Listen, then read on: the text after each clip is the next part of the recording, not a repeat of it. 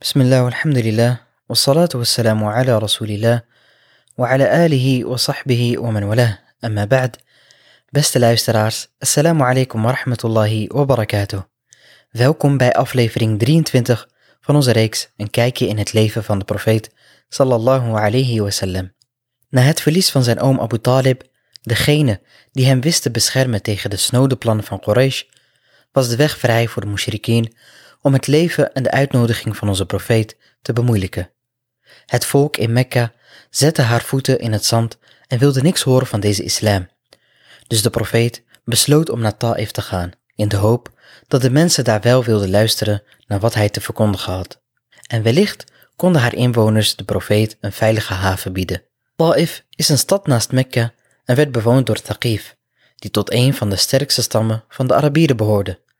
Deze stad ligt in de bergen en was daarom een soort van vakantieplek voor de mensen van Mekka. Want omdat deze stad in de bergen ligt, is het klimaat er zomers aangenaam en kunnen de winters erg streng zijn in vergelijking tot andere steden in de Hijaz-provincie.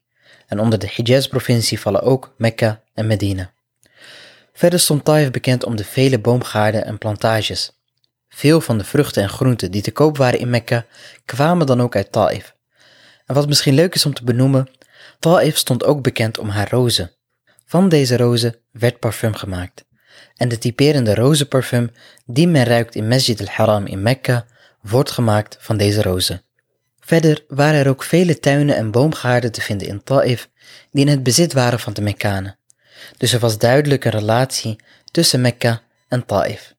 En wellicht zijn de eerder genoemde zaken een reden waarom de profeet wassalam, ervoor koos om zijn boodschap in Taif te verspreiden.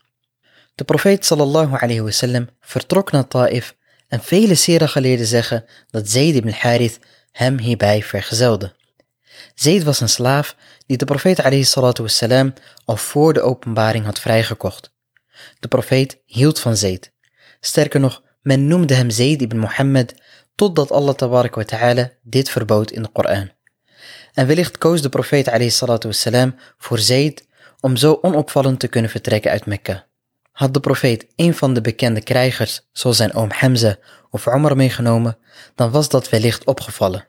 Dit gegeven doet overigens niks tekort aan Zayd ibn Haritha, want zijn verdiensten waren talloos, zoals het feit dat hij de enige metgezel is die bij naam in de Koran is genoemd. Dus de profeet sallallahu alayhi wasallam ging samen met Zayd naar Taif. En eenmaal aangekomen in Taif begon de profeet drie van de vooraanstaanden van Taqif uit te nodigen naar de islam. Zij waren Abd al-Ya'il, Mas'ud en Habib ibn Amr. Drie broers. En dit zien we vaker terug in de da'wa van onze profeet sallallahu alayhi wasallam. Vaak begon hij met de leiders van een volk, want als die bekeerden, dan volgde de rest automatisch. Echter, waren deze drie mannen niet bereid om te luisteren naar het woord van de profeet. Sterker nog, zij wezen hem met harde woorden af. De eerste zei spottend, als Allah jou heeft gezonden, verscheur ik het doek van de Kaaba.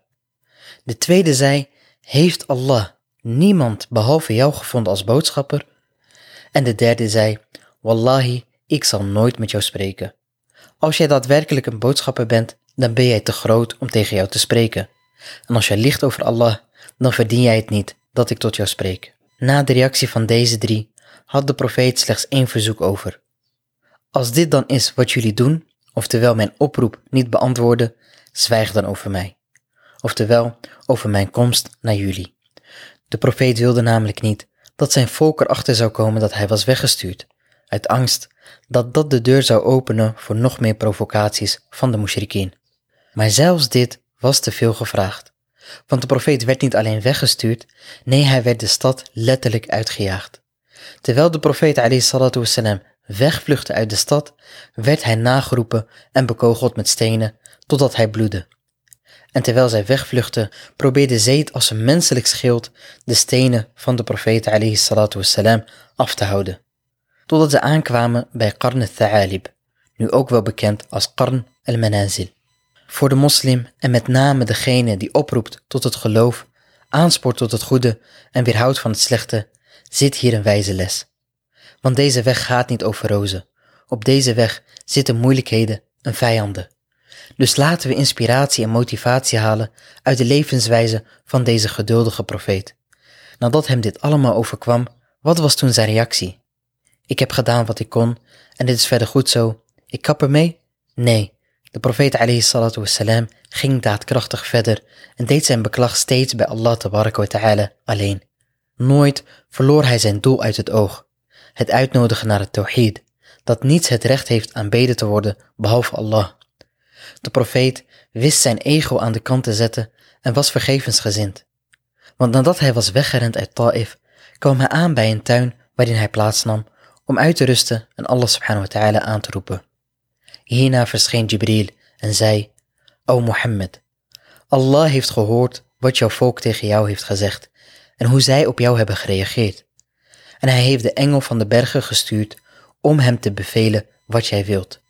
Waarop deze engel verscheen en zei, O Mohammed, Allah heeft mij gestuurd om jouw bevel uit te voeren. Als jij wilt, plet ik hen tussen twee bergen. Waarop onze barmhartige profeet zei, Nee, ik hoop dat uit hun nageslacht een volk zal komen dat Allah alleen aanbidt en hem geen deelgenoten toekent.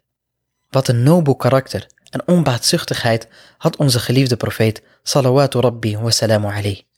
Wie in staat is om wraak te nemen, maar dit laat uit genade, is werkelijk genadevol en vergevensgezind.